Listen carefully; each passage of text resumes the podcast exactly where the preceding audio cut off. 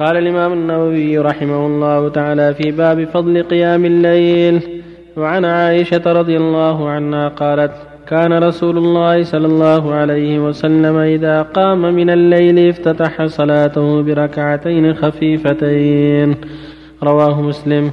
وعنها رضي الله عنها قالت كان رسول الله صلى الله عليه وسلم إذا فاتته الصلاة من الليل من وجع أو غيره صلى من النهار ثنتي عشرة ركعة رواه مسلم. وعن عمر بن الخطاب رضي الله عنه قال قال رسول الله صلى الله عليه وسلم من نام عن حزبه أو عن شيء منه فقرأه فيما بين صلاة الفجر وصلاة الظهر كتب له كأنما قرأه من الليل. رواه مسلم. بالله الحمد لله. صلى الله وسلم على رسول الله وعلى آله وأصحابه ومن اهتدى بهدى أما بعد فهذه الأحاديث الثلاثة كلها تتعلق بصلاة الليل أما القراءة في الليل. يستحب للمؤمن أن يكون له نصيب من الورد في الليل قراءة وصلاة وذكرا وتسبيحا وتهليلا واستغفارا كما قال الله جل وعلا في وصف عباد الرحمن والذين يبيتون ربهم سجدا وقياما في وصف المتقين كانوا قليلا من الليل ما يهجعون وبالاسحار هم يستغفرون. ويقول سبحانه وتعالى يا أيها المزمل قم الليل إلا قليلا نصفه أو ينقص منه قليلا أو زد عليه ورتل القرآن ترتيلا. وكان صلى الله عليه وسلم يستفتح ورده من الليل بركعتين خفيفتين. وقد أمر بذلك كما تقدم يستفتح ورده بركعتين خفيفتين ثم يصلي عادته بالتطويل. كان يطيل في صلاته عليه الصلاة والسلام في قيامه وفي ركوعه وفي سجوده.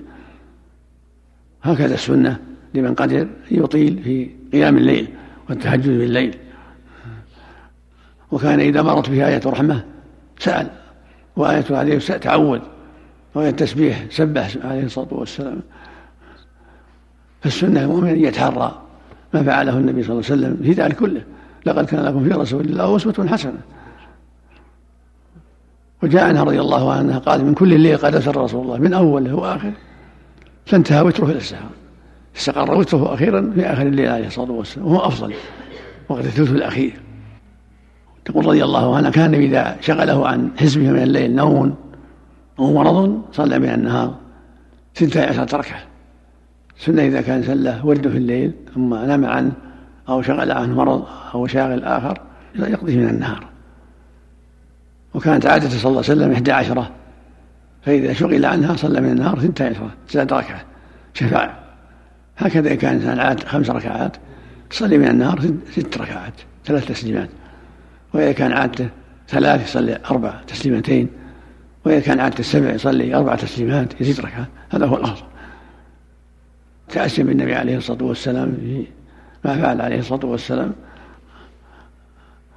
والمحافظة على تهجم الليل من دعم الصالحين ومن أعمال الصالحين ومن أسباب صلاح القلوب ورقتها ومن أسباب حسن الختام.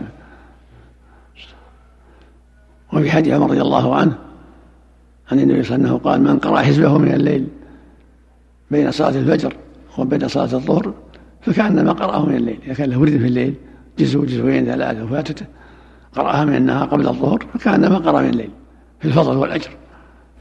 وفق الله جميعا. الله. الرسول صلى الله عليه وسلم لم يتم آه، صلاته كما كان في الليل. لم يصلي إحدى عشرة ركعة. آه، فالسبب في هذا أحسن الله إليك. يعني ما سردها قصدك؟ لا ما ما صلاها إحدى عشرة كما كان يصليها في الليل. شفعها. يدل على صلاة النهار شفع. صلاة النهار ما فيها وتر صلاة النهار من قال من الفقهاء أحسن الله إليك أن لليل وترا وللنهار وترا وتر وتر النهار والمغرب تنتهي هي نهاية النهار عند غروب الشمس لكن في النهار يصلي شفع أشفع كما دلت عليه السنة الله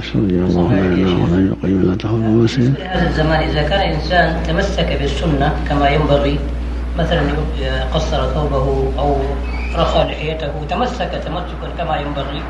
كثير من المسلمون يصفونه يقولون هذا متشدد وهذا هذا متزمت وهذا كذا وكذا. ماذا يكون موقف الإنسان المتمسك؟ ما عليه منهم لا يبالي بهم يقول الله يهديكم هذه السنة والله يهدي خاطرهم بالتي احسن هداكم الله هذه السنة يعلمهم بالدليل. والحمد لله.